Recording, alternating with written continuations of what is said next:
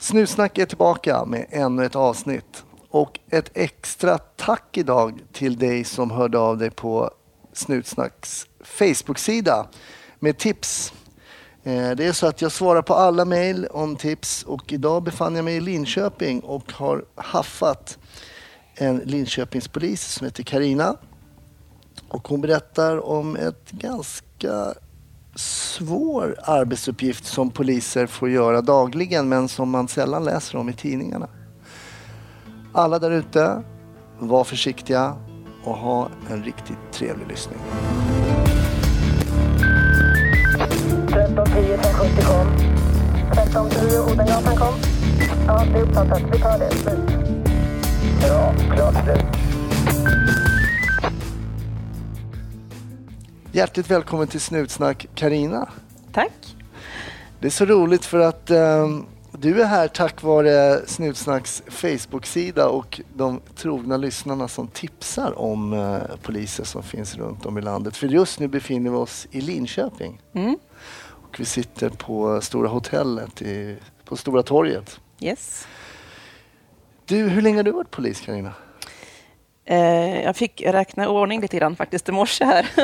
och jag har jobbat som polis i 15 år. 15 år. Ja, Och var gick du i skolan då? då? i, I Stockholm. I Stockholm? Mm. För 15 år sedan, vilken...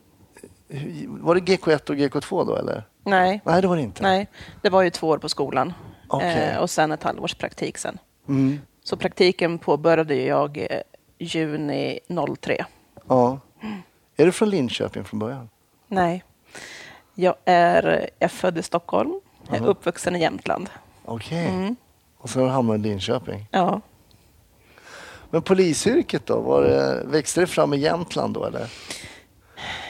Det är faktiskt en, en barndröm som jag har haft. Är det så? Ja, så jag har alltid velat bli polis. Men sen var det ju lite föräldrar och sånt som styrde från början. Mm. Så jag är utbildad inom hotell och restaurang Okej. och jobbade med det några år.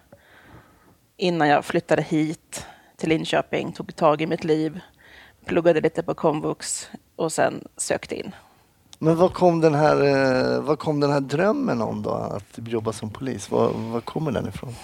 Vet inte, jag har alltid haft det som dröm. Jag tycker liksom det är lite, lite tufft och roligt, spännande. Ja, gör lite nytta. Ja. Hur var, hur var själva utbildningen då till polis? Hur var den? Ehm, jag tyckte den var rolig. Eh, sen kan man väl känna kanske lite att det fanns ämnen och sådana saker som var lite mer utfyllnad än att det är bra att ha i yrkeslivet. Ah, Okej. Eh, men i det stora hela så tycker jag det var en både bra och nyttig och rolig utbildning som, som en grund. Mm. För att riktiga, den riktiga utbildningen börjar ju först faktiskt under praktiken och sen när man får tjänst och börjar arbeta. Mm. Man blir aldrig färdig, känns det som. Just det. Vad var det som var utfyllnad på skolan då? Vad var det som du kände som kanske inte var helt nödvändigt? Nej, det var en svår fråga. Mm. Ehm. nej, men alltså det, det var den känslan jag hade då. Mm. Eh, jag kommer inte ihåg exakt vad det var som jag tyckte var lite onödigt, men det fanns ämnen som inte var speciellt nödvändiga. Nej, okej. Du säger att man aldrig blir fullärd eh, som polis. Du- Och att det är på praktiken man lär sig. Vad, vad kände du när du kom ut på praktik då? Vad är det som händer där? Du kommer från en teoretisk, du kommer från skrivbordet då och så kommer du till, eh, till verkligheten. Mm. Blir det stor skillnad då? Ja, oh ja, det är jättestor skillnad. För då man ska liksom man ska använda sig av den här teoretiska utbildningen i det praktiska arbetet. Men samtidigt så är det ju olika... Eh, alltså man styr ju man styr upp arbetet på olika sätt på olika, olika eh, myndigheter, om man säger. Olika polisstationer har ju sina rutiner. Eh, lite grann sådär hur det funkar med olika befäl. Och Stockholm har ju sina rutiner och Linköping har ju, vi har ju våra rutiner. Mm. Så man får ju liksom väva samman allting. Ehm, Och um, vartefter under åren så byter man ju kanske avdelningar och då blir det nya rutiner, nya brott, ny juridik som man ska sätta sig in i eh, och regler kring det. Mm. Um, Hur blev du bemött då när du kom ut som aspirant? Från, från kollegor? Eller kollegor från... och, och handledare och sådär? Eh, jo, men det var, jag tyckte man var bra bemött. Mm. Absolut. Um. Är man redo efter de där två åren, då, teoretiska åren, att komma ut och ta tag i, i bitarna? Nå. Vad hade du för vision när du var klar? Skulle du rensa Linköping nej, från, det hade jag från, inte. från alla bad guys? Ja, nej, det tror jag inte att jag hade. Um, alltså jag kände mig nog väldigt, väldigt ödmjuk liksom, inför, inför rollen som polis. Mm. Eh, det är mycket som snurrar i huvudet och gäller att hålla Innan man får in en rutin, en arbetsrutin, så gäller det att hålla det här med lagar och regler i huvudet också. Mm. Samtidigt som man ska vara praktisk, man ska bemöta allmänheten. Det är väldigt mycket sådär. Mm. Men... Eh, hade du någon fördel? Jag tänker att du, du eh, sa att du hade pluggat hotell och mm. restaurang. Var det så? Mm. mm. Jag tänker att man ändå snackar med rätt mycket folk. När man är, är det en fördel att komma från ett sånt serviceyrke, tror du? Det tror jag. Uh-huh. Alltså, jag har väl alltid haft eh, arbeten där jag jobbar med människor. Mm. Um, um, så att, nej, men det tror jag är jätteviktigt att man har handlag med att träffa och möta nya människor. Mm. För du ska ju kunna bemöta den mest våldsamme till den mest utsatta barnet eller kvinnan eller mannen i hemska situationer, roliga situationer. Mm. Eh, och då är det ju en fördel att kunna vara social. Mm. Finns det egentligen någon, det fanns det inte när jag gick på skolan, men finns det några sådana övningar i att prata med folk? Har man det? Är det liksom, finns det sådana? På skolan? Ja, på polisskolan. Det vet jag inte du. Det jag kommer jag inte ihåg. Ja. Jag vet att vi, satt, vi hade liksom, man ska sitta och hålla förhör med någon. Mm. Mm. Och sen hade vi det här uppe på Lagtorget, mm. eh, i lägenheterna där. Eh, och man skulle bemöta olika situationer. Men eh, i mm. övrigt så fanns det nog inte. Mitt minne, jag har ju dels gått som elev på, på Polishögskolan, sen har jag också jobbat som lärare två år på Polishögskolan. Men det är ju det att de här övningarna främst är att kolla lagstiftning. Mm. Att man säger så här, vad hade du för, um, vad, vad, vad använde du av för lagtekniskt här då mm. när du frihetsberövade den personen? Och så mm. får man redogöra för det. Så. Mm. Men det är sällan själva retoriken man övar. Mm. Och, jag vet inte, det kanske skulle kunna vara av vikt att göra det. Mm. För um, poliser är ju mer eller mindre bra att hantera människor. Mm. Om man säger så. Så är det. Det finns nog de som inte skulle vara ute överhuvudtaget faktiskt. det kan vi nog vara helt överens om. Ja, ja men så är det faktiskt. Och, mm. Men samtidigt så finns det ju de som i princip skulle kunna gå ut utan både skyddsväst och vapen. För de kan prata sig igenom varenda situation. Mm. Oavsett vem de möter. Mm. Förutom om man möter en totalt eh, psykisk sjuk människa som har ballat ur fullständigt. Då finns det inget tal som, som hjälper. Mm. Eller om de är jättekraftigt berusade och sådär ibland. Och får liksom tilt. Mm. Då, då går det inte att prata dem till rätta alltid. Nej, nej, då kan det vara svårt. Men vad gör du idag då? Vad har du för tjänst idag i Linköping? Eh, jag är som eh, ungdomsutredare. Okej. Okay. Mm. Och vad innebär det? Det innebär att vi handlägger ärenden på ungdomar mellan ungefär 14-15 år upp till eh, ja, 17. Okej. Okay. Mm. Har ni någon ungdomsbrottslighet i Linköping? Ja, det har vi. Så det finns att göra? Det finns absolut att göra. Ja. Ja, just det. Ja, och man, man läser lite titt som tätt om ungdomar som ställer till det lite grann mm. ute i landet. Mm. Också alltså även i Linköping. Mm. Så du har, har du också frihetsberövade och mm. kontakt med åklagare och så vidare i de här mm. olika ärendena? Ja. Hur är det med, med 14-åringar? Då får man väl inte Eh, Låser man in dem eller? Nej. Nej. Alltså 14-åringar har vi ju... Alltså om det är ett, ett särskilt brott, exempelvis ett, ett väldigt grovt brott, då är det klart att vi måste ju utreda 14-åringar till viss del. Va? Men då är det ju eh, med hjälp av socialtjänsten. Eh, men i övrigt så kanske vi hör dem mera upplysningsvis i ärendet. För det kanske finns flera eh, som är äldre som är misstänkta för brott eller sådär. Eh, så vi har inte så jättemycket med 14-åringar att göra. Ah, okej. Nej. Och där är det ju så också att hör vi en 14-årig ett eh, vittne exempelvis, eh, då kör vi ju det förhöret på video alltid. För att kunna använda i rätten. För man vill ju inte att en 14-åring som behöver komma till en rättssal, Just det. utan då använder man inspelningen istället. Välkommen till Momang, ett nytt smidigare casino från Svenska Spel, Sport och Casino där du enkelt kan spela hur lite du vill. Idag har vi en stjärna från spelet Starburst här som ska berätta hur smidigt det är. Jaha, så smidigt alltså. Momang, för dig över 18 år. Stödlinjen.se.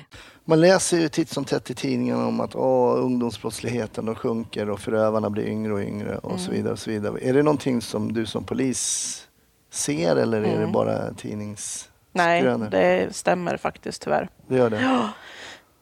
Nu har vi haft en, eh, under ett halvår, år har vi haft ganska många rån. Där bland annat 14-åringar är inblandade. Och när du säger rån, menar du personrån? Eller? Eh, personrån, butiksrån. Okej. Ja. Och det är ju skrämmande. Ja, verkligen. Ja. Men då, då kanske de är ett gäng på eh, tre, fyra stycken. Och några, de flesta är väl över 15, men någon är väl under 15. Mm. Och det är inte så att de slutar där, utan de fortsätter ju. Till slut är de ju över 15 och då kan man liksom fortsätta jobba med dem.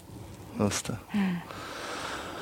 Okej, okej. Ja, det, är- det är tragiskt att ungdomar som är ute och, och rånar och man undrar eh, såklart varför och det finns väl faktorer bakom som är många. Men eh, vad tror du är, vad, vad ska man, hur ska man kunna komma åt ett sådant problem? Hur ska vi komma till rätta med de här eh, ungdomarna som Mm, begår nej, men brott? som begår brott. Som begår brott. Varför, gör de, varför gör de det?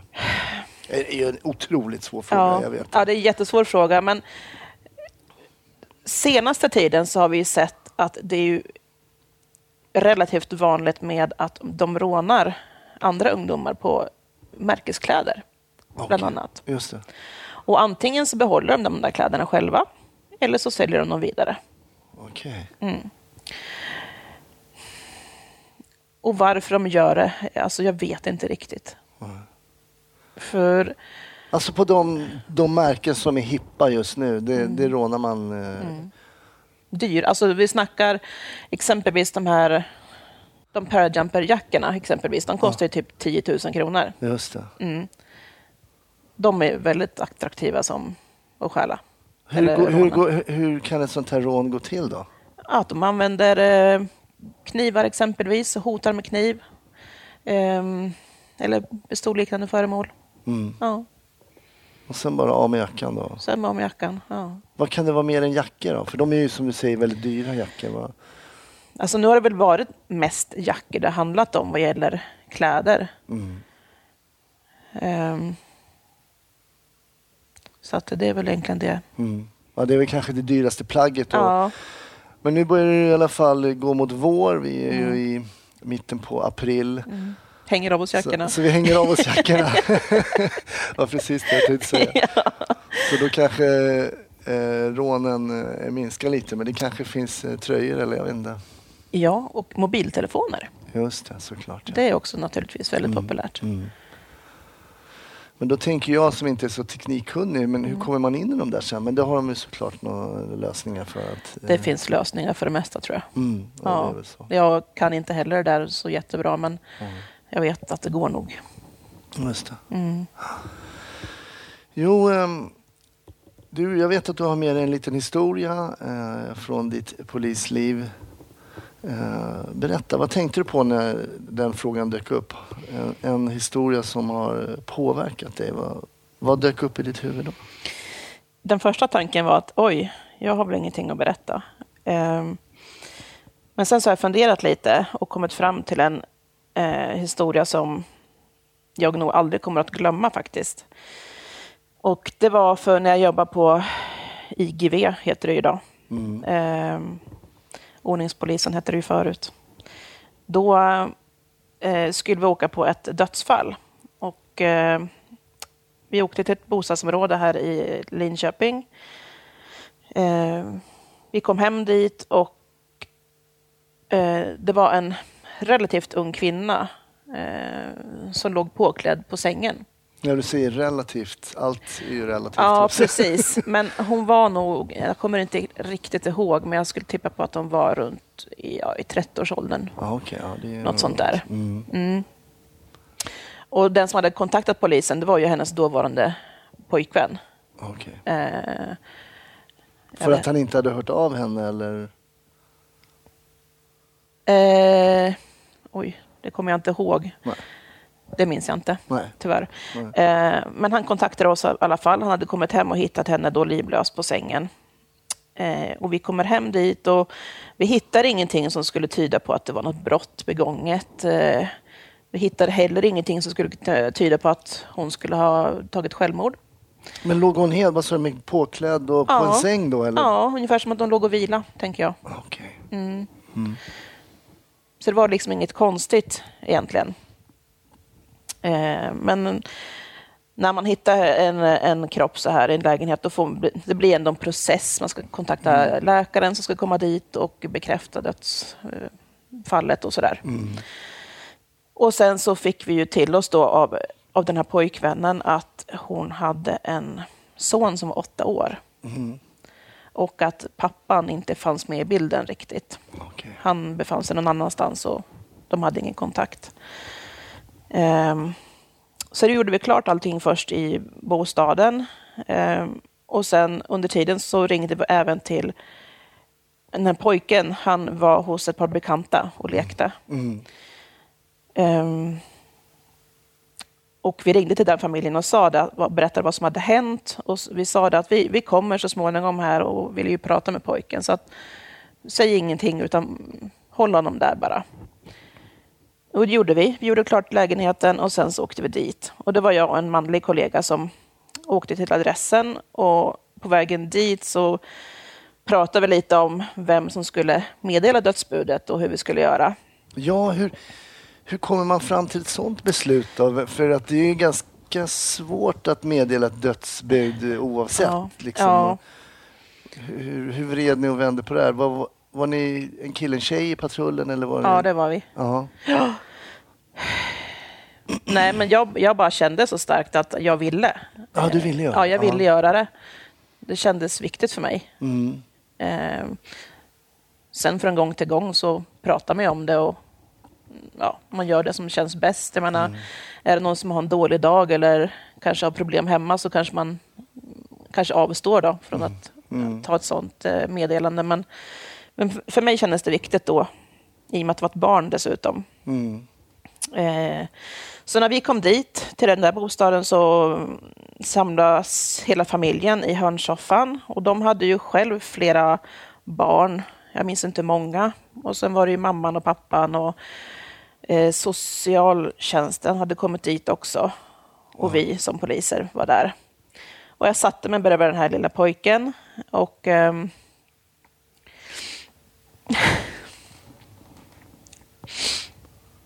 Det är så att du än idag blir väldigt berörd när du tänker på det här. Visste han? Han visste ingenting då när ni kommer dit? Nej. Nej. Han visste ingenting. Och hur, hur hade du lagt upp det här då? Hade du någon plan liksom? Hur... Nej. Du vet ju ändå vad som måste sägas. Ja, precis. Eh, jag hade ingen plan, utan man, man, gör, man vet vad som ska sägas och man eh, fokuserar på det helt enkelt. Men det är ändå en pojke som är åtta år som har blivit av med sin mamma. Ja. Och det var det som jag tyckte var...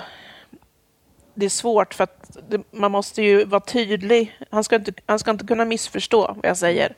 Mm. Man måste vara tydlig, men samtidigt måste man ju vara mjuk och ödmjuk liksom. Mm. Inför honom. Hur la du upp det då? Nej, jag, jag sa nog ganska direkt liksom att, att vi hade varit hemma i hans bostad och att vi hade hittat hans mamma där. Och jag sa det, det ser ut som hon ligger och sover, sa jag, på sängen. Men, men hon är död liksom. Ehm, Hur reagerade pojken då när du sa det? han, han blev ledsen. Han blev jätteledsen. Men han tydde sig då till den här mamman i familjen. Eh, så jag, som mina minnesbilder var i alla fall, så var det så att han var ledsen och ja, hon, han hoppade upp i hennes knä och kramades. Hade ni uniform på er när ni var där? Mm. Det hade vi. Och det tycker jag, jag tycker det är viktigt. Alltså, det råder delade meningar om det här med uniform. Eh, och när man ska och när man inte ska använda uniform. Men vi var ju där ett, i ett jobb, med ett uniformsjobb liksom, så på ordnings, som ordningspolis. Eh, och jag tycker det är viktigt att använda uniform. Eh, jag har den, inte just idag, men eh, normalt sett har jag det alltid faktiskt. Eh, även som inre, in, på inre tjänst här nu som utredare. Just. För att eh, nu och då så kallar man ju folk till förhör och sådär. Ja. Eh, och jag tycker det är viktigt att man ehm, kan visa eh, både barnen och vuxna och alla man träffar att polisen har en, en bra och viktig sida. Att vi tar hand om människor och att vi vill hjälpa till. Och inte så många säger att ah, men det är liksom skrämmande med uniform. Då har man ju fel approach utåt, liksom, tycker jag. Då har man ju fått det hela om bakfoten. Om vi går tillbaks då till den här situationen där du fortfarande är kvar. Ni sitter med den här pojken som har fått det här beskedet om att mamma är död. Ja. Han tyr sig till den här andra mamman i familjen där han befinner sig för tillfället. När... Jag tänker att det blir liksom en någon form av halvhalt i situationen där. Sitter man kvar där med en kopp kaffe eller vad, vad ska man göra? Vad, Hur länge ska man vara kvar? Och, Ja, nej, alltså vi var inte så jättelångvariga, utan jag gav honom informationen, pratade med honom eh, om vad som hade hänt och vad som kommer att hända och lite sådär. Och sen, men sen pratade, hade, vi hade ju pratat med familjen redan, med föräldrarna och socialtjänsten var ju där. Och eh, i övrigt så...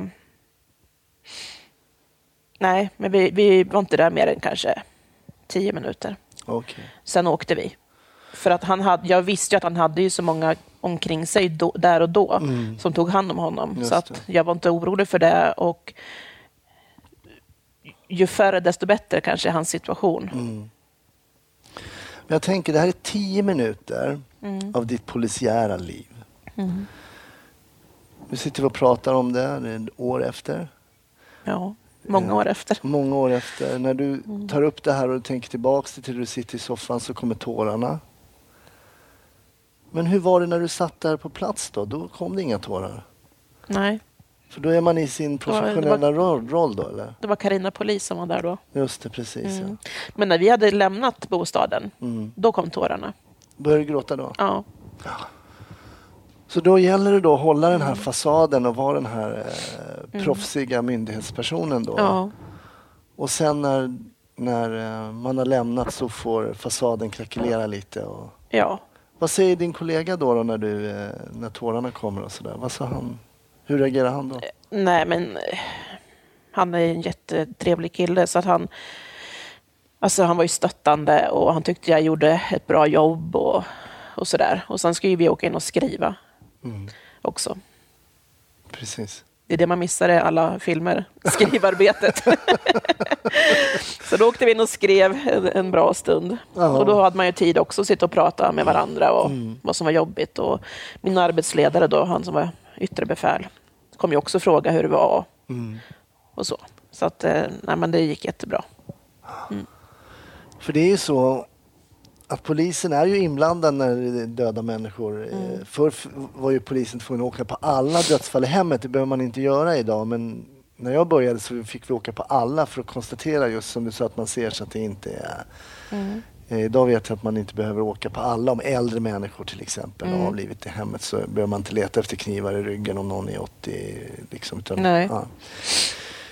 Ehm, Det har varit ett återkommande tema det här emotionella med barn och, och död och sånt. Men just att lämna dödsbud. Har, hade du någon utbildning kring det? Att lämna dödsbud? Hur man, hur man ska gå tillväga? Ehm,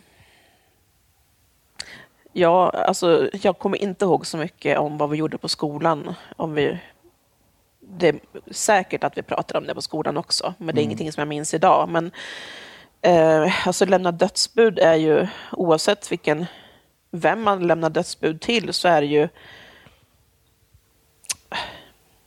det, alltså det är från gång till gång. Man får liksom... Det är jättesvårt är det faktiskt. Mm. Man måste ju tänka till och man måste utgå från situationen, vem det är till. Ehm, det är klart att eh, om eh, gamla mormor på 95 har dött, Mm. nu pratar vi just om det, att vi inte åker hem till dem. Alltså, nej, men, men om hon har dött så det är klart att kanske inte familjen i övrigt bryter ihop så, för då var ju så gammal. Mm. Men, ehm, men självmord och sånt där, det, det är klart, det kan- ju oftast föregå av eh, alltså psykisk ohälsa exempelvis. Så att familjen på så sätt är medvetna om att han kanske, han eller hon kanske har försökt att begå självmord tidigare eller det kanske inte kommer som en överraskning ändå. Men samtidigt så Ja, det, det, man får verkligen känna av situationen och omständigheterna runt omkring när man lämnar dödsbud. För det här är ju en arbetsuppgift som egentligen då är väldigt lugn.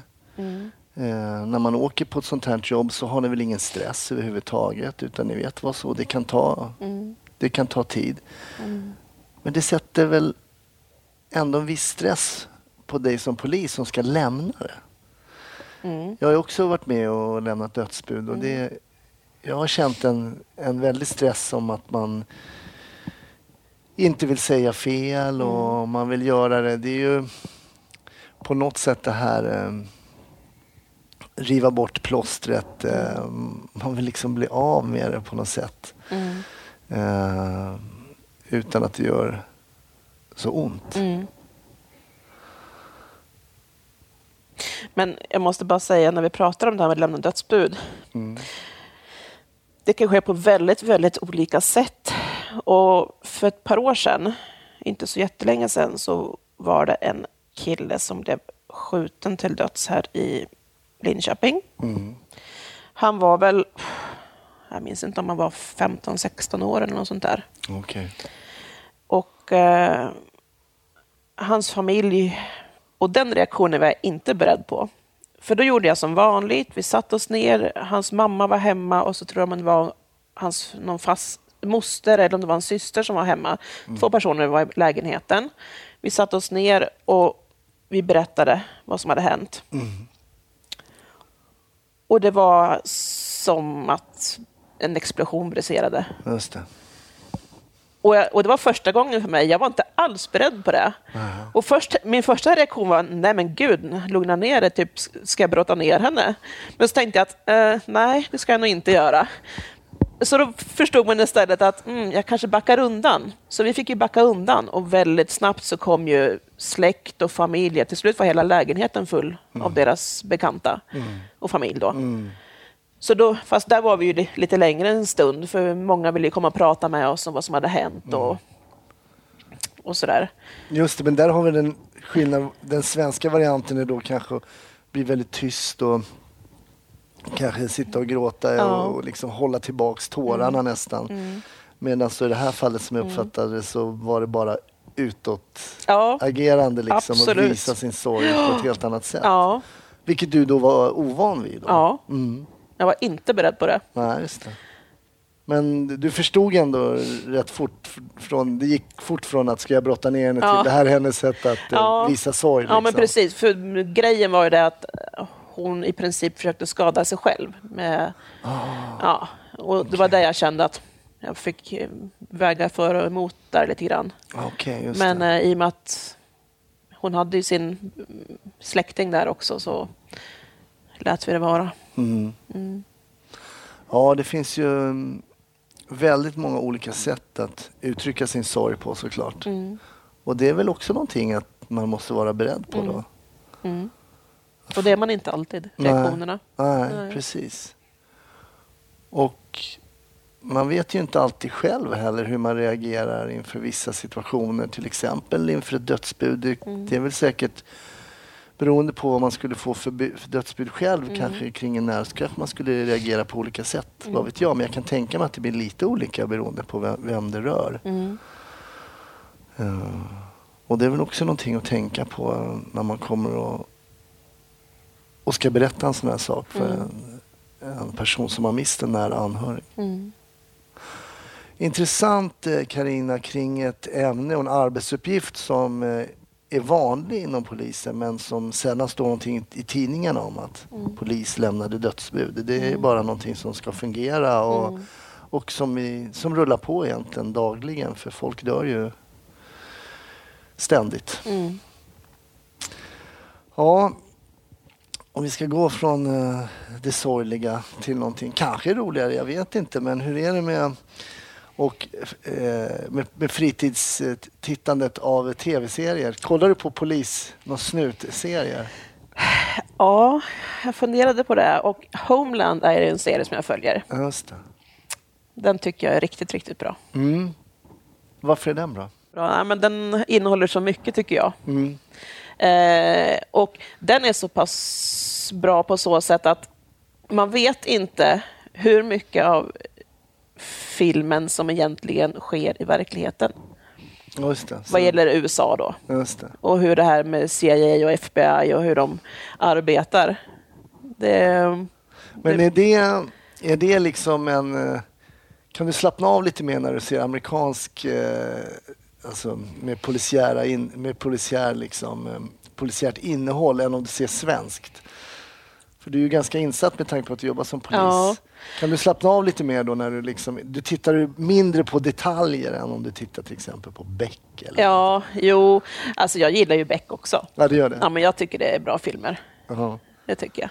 Kan du se mellan fingrarna om de gör någonting som inte är precis exakt enligt eh, Ja, det är ju en film. Så att, Ja. så jag, men jag tycker det, i det stora hela tycker jag att Beck exempelvis är bra. Ja, Sen finns det ju jättemycket som inte stämmer med verkligheten, men nej, just det, precis. jag har aldrig sett eh, Gunvald skriva, sitta med datorn och skriva, tror jag. Nej, hans hans eh, starka sidor är ju att snacka. Ja, det är ju det. Eh, Ja, men det är ju det. Det är ju de här karaktärerna som... eh, Och jag tror som eh, polis, eller som i mitt fall då för detta polis, så kan man känna igen sig också. Man kan hitta en del eh, kollegor som, som påminner kanske i något fall om Beck, men också i något fall om Gunvald. Och det är lite roligt faktiskt. Och, och där har de ju hittat faktiskt karaktärsdrag som verkligen finns ja. hos poliser. Liksom. Vi pratade faktiskt om det bara häromdagen på jobbet, att Gunvald finns nog i princip en på varenda polisstation. Ja, det, men så är det nog, tror jag. Ja, jo, men det kan nog stämma. Det kan nog stämma. Ja. Man får bara hoppas att de, han har ju en del uttryck där som inte är helt lämpliga. Nej, han har en del arbetsmoment också som inte är så lämpliga kanske. Men eh, Ja, det är nej, så. inte, inte till fullo får jag väl hoppas att Gunvald finns ute Nej, i- men vissa Sverige. drag så att säga. Vissa ja. drag, ja. Ja. ja. Ja, men det, det kan nog stämma. ja. Ja, hur ser din dag ut då? Du ska till jobbet. Jag ska till jobbet. Just nu håller jag på med ett eh, bedrägeriärende, så jag Mm. håller på att sammanställa lite eh, kontohistorik. Okej. Jag har ju jobbat ett par år på bedrägeri också. Okej. Och jag tycker det är jättekul med bedrägerier. Och, Vad, är det, vad, vad är det för bedrägerier som, som sker mest nu i, idag? Jag tänker, är det kontokort eller vad är det? nej, nu är det alltså som det har varit under hela tiden som jag har jobbat i alla fall, då är det mycket det här med annonser. Exempelvis Blocket eller Spock eller någonting annat. Ehm, och sen är det ju så att de inte skickar några varor, får pengar. Och sen skickar de ju pengar kors och tvärs via Swish. Som vi får hålla på och jobba och eh, följa pengarna hela vägen. Mm, det. Och det är fram och tillbaka mellan konton och, och Så- sådär. Så kan ett tips vara skicka inga pengar förrän du har fått varan. Ja. Det är ett bra tips. Det är ett bra tips. ja. Men är det så generellt att folk är lite godtrogna och, och, Oh ja. ja. Jag vet inte, det finns ju, nu var det länge sedan jag själv höll på och köpte och sålde, men det finns ju, jag vet inte om Paypal och sådär, eh, eh, att man kan liksom... Just det, de låser pengarna De låser pengarna, ja men precis. För då, då, är det liksom, då ska det vara säkert för båda parter om man säger. Mm. För som säljare vill ju inte jag skicka någonting heller till någon som inte jag fått pengarna utav. Nej, precis. Så, det, så alltså det där är jättesvårt. Det bästa är ju att man eh, kanske träffas, Mm. får pengarna i handen eller direkt på Swish och sen är det liksom... Hur mycket kan folk skicka i förskott då utan att känna personer och sådär? Det vet jag inte. Det handlar om tusentals kronor och sådär. Kan som- hända. Det är så ja. Ja. Jag tror jag har en, eh, en bekant som betalade 7000 för en eh, släpkärra. jag tror det var 7000, men det vart ingen släpkärra. Det kommer inte någon släppkärra? Nej. Nej. Ja. Nej, man får eh, vara lite försiktig och är det någonting som man kanske har blivit med åren genom att jobba som polis är att man är lite kritisk Mm. eh, till en del personers beteende. Så. Mm. Och det är väl kanske bra att vara lite vaksam ibland. Mm. Men eh, då ska jag låta dig få smita vidare och jag vill tacka dig Carina. Tack så jättemycket för att eh, du var med i Snutsnack och eh, berättade om ett ämne som är vanligt inom polisen och också lite jobbigt att göra ibland. Mm. Tack så jättemycket. Tack så mycket.